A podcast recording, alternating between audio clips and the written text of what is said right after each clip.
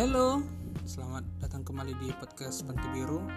Uh, mungkin podcast ini bakal tayang tanggal 5 Mei Rabu subuh lah ya, pastinya Rabu lah. Hmm, setelah seminggu gini,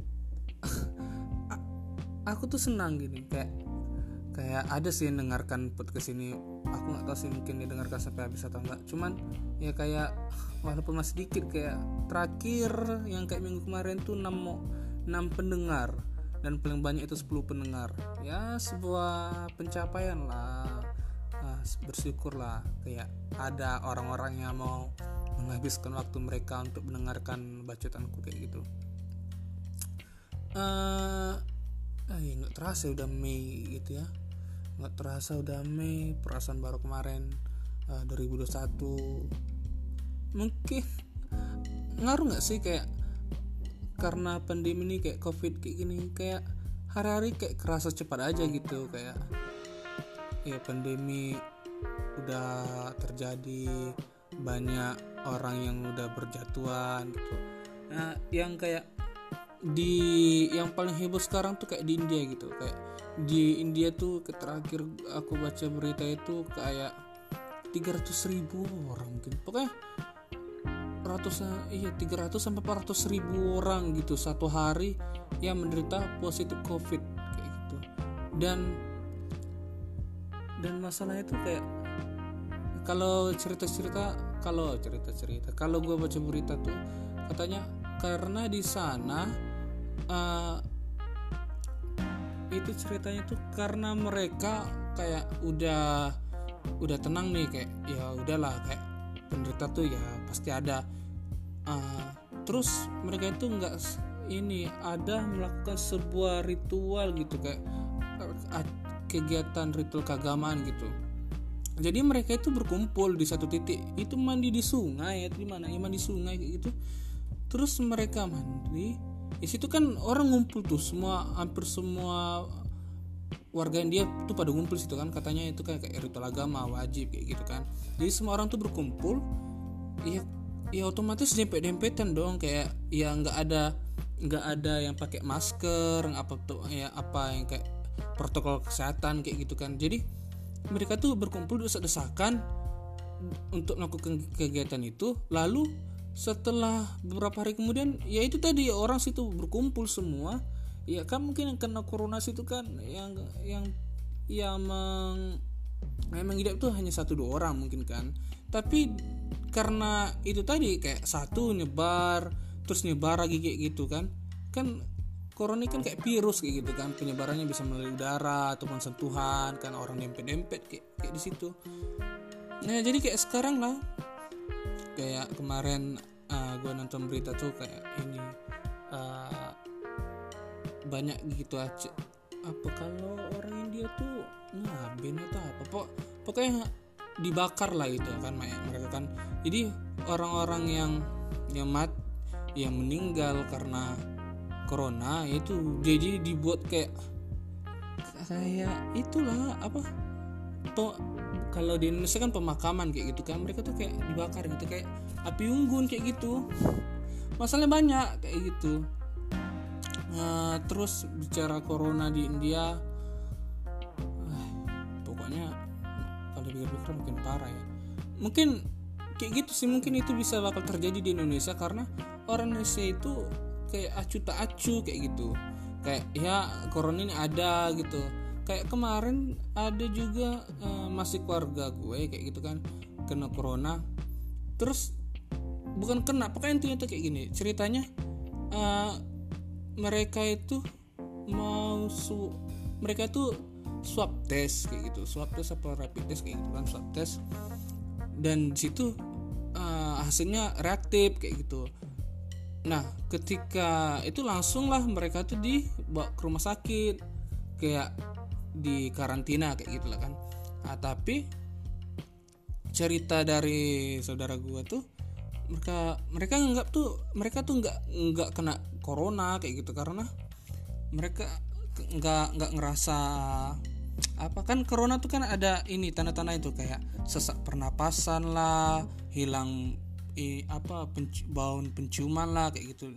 Dan mereka merasa mereka nggak nggak nggak ngerasakan hal itu. Jadi kayak mereka pun yang kan yang yang hasilnya jelas reaktif kayak skeptis gitu.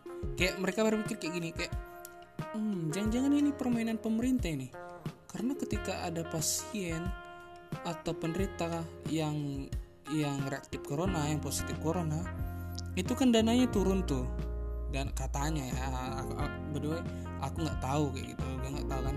Jadi mereka merasa tuh mereka dipermainkan gitu. Dan ya cuma kayak gini ya uh, kalau bicara corona kan ada ada ada ada yang tanpa gejala ada yang dengan gejala. Dan aku heran tuh seharusnya walaupun tak, aku nggak tahu mereka kenapa nggak. Cuma ketika mereka nggak nggak merasa sakit seharusnya mereka tuh senang kayak gitu cuma kayak gitu ya uh, sikap masyarakat terhadap pemerintah sekarang udah udah skeptis gitu kayak udah nggak percaya lagi. Maaf kayak ini lagi kayak yang di kasus di uh, di Sumatera Utara atau di Medan di Bandara Kuala Kuala Namu tuh. Hal-hal kayak gitulah yang yang buat masyarakat itu makin nggak percaya gitu. Bayangkan uh, rapid test antigen yang itu apa rapid test atau swab test yang antigen itu itu tesnya pakai bekas kayak gitu. Orang niat ini negara nih dunia bukan negara Indonesia doang. Dunia ini lagi pening masalah corona bagaimana antisipasi bagaimana masalah ini cepat berakhir. Masih ada aja orang yang dengan penuh kesadaran tega gitu melakukan hal itu. Maksudku ini kan ini kan bukan kerjaan satu orang ya pasti banyak lah orang yang yang yang berkecimpung situ. Nggak mungkin kan satu orang bisa merintah semuanya. Pasti kan ada namanya ke garis interupsi lah kayak itu kayak gak ini apa pasti ada mereka tuh kumpul lah kayak oh kayak oh coba ini coba kita nanti eh, orang-orang yang rapid test tuh pakai yang yang bekas kayak gitu itu nggak ada apa gitu orang-orang yang komplain kayak gitu. Apa mereka semua setuju? Kalau setuju alangkah bisa di, bisa dibilang kayak bangsat lah kayak gitu ya. Bayangkan ini Medan ini Sumatera Utara ini udah udah udah banyak kayak gitu. Udah banyak yang ibaratkan penderita tuh udah banyak gitu. Dan itu kayak lepas-lepas aja tuh kor masuk apa provinsi itu kor masuk itu masalah itu ay enggak enggak enggak ah, enggak terbilangkan lagi lah. Apalagi katanya tuh di berita tuh satu hari itu tiga, apa uh, orang yang oknum itu oknum oknum yang di situ bisa merap keuntungan 30 juta. Kalau pikir-pikir besar sih cuman ya Allah. Kalau semua orang berpikir kayak gitu gimana nasib Indonesia ini aku tuh nggak aku mau sedih cuma kayak gimana kayak gitu. Di mana letak orang-orang ini?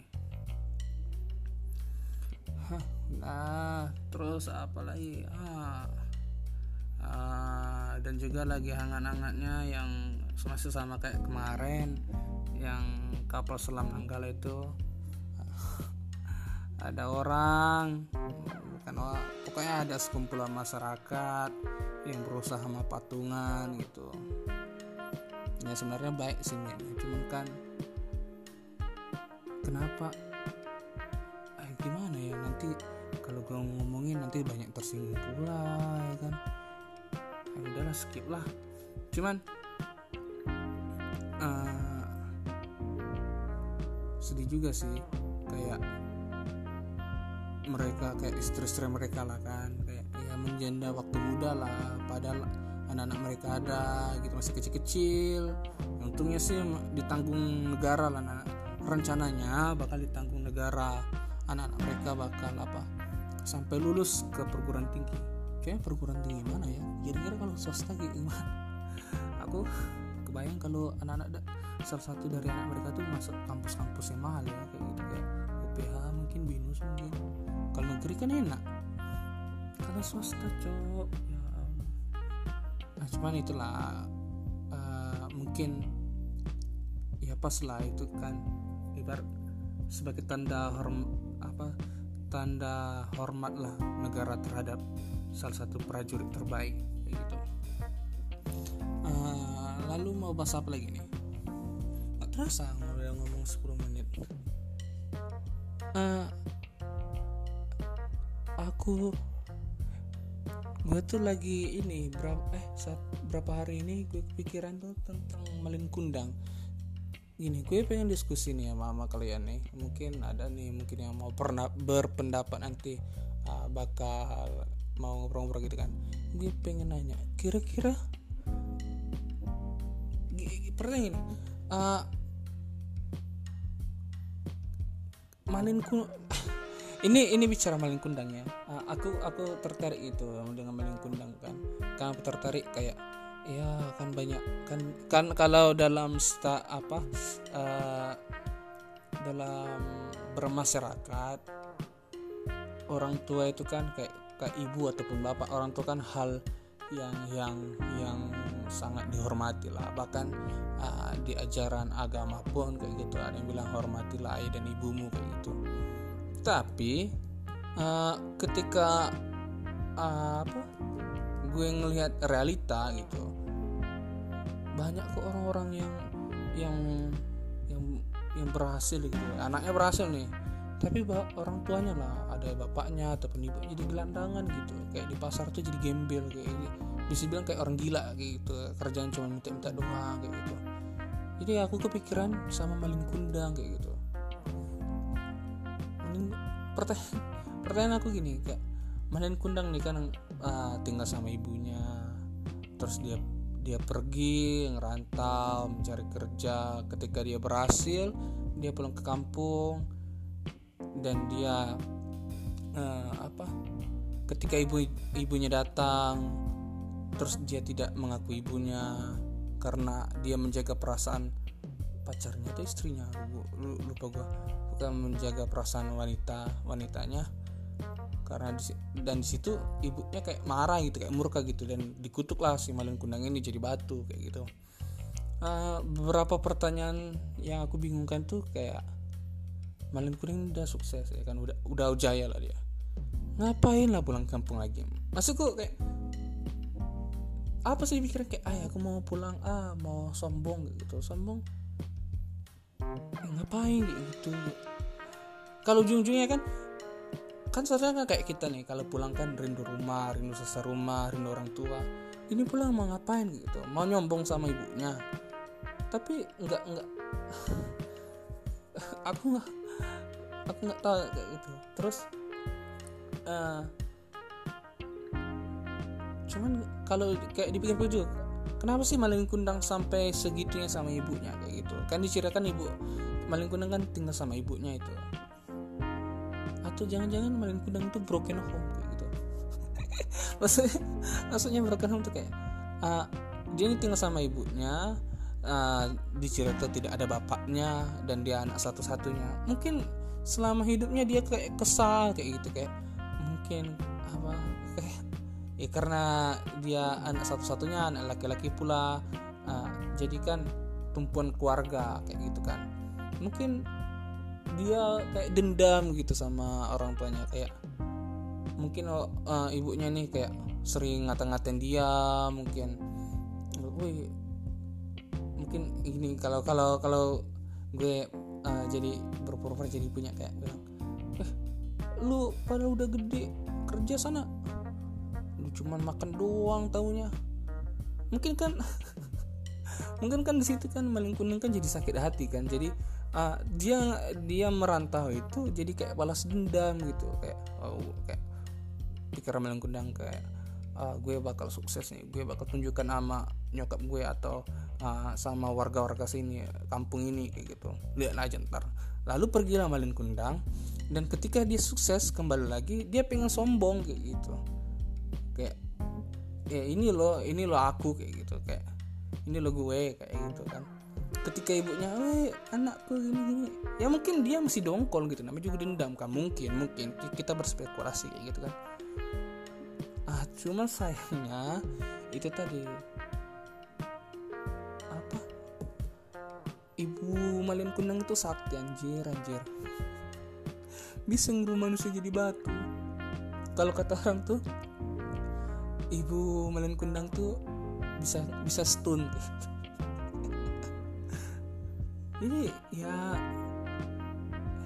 Eh, dan dan, dan gini kayak uh, siapa sih orang kan itu kan uh, kayak siapa sih orang yang bisa yang yang kayak pertama gini uh, cewek malin kundang itu larinya ke mana?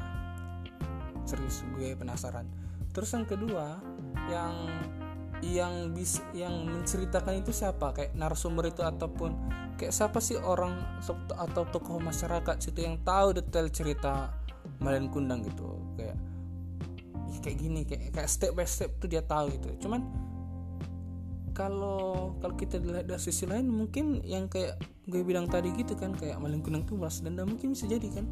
Karena jadi seolah-olah Malen Kundang tuh kayak apa kayak karakter antagonis gitu kayak jahat gitu. Cuman kan kita sebenarnya nggak tahu kayak gitu cerita aslinya.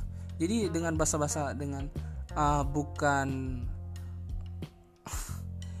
pokoknya jadi kayak kenapa jadi kayak yang kundang tuh kayak terkesan jahat gitu. Itu siapa yang ceritain gitu.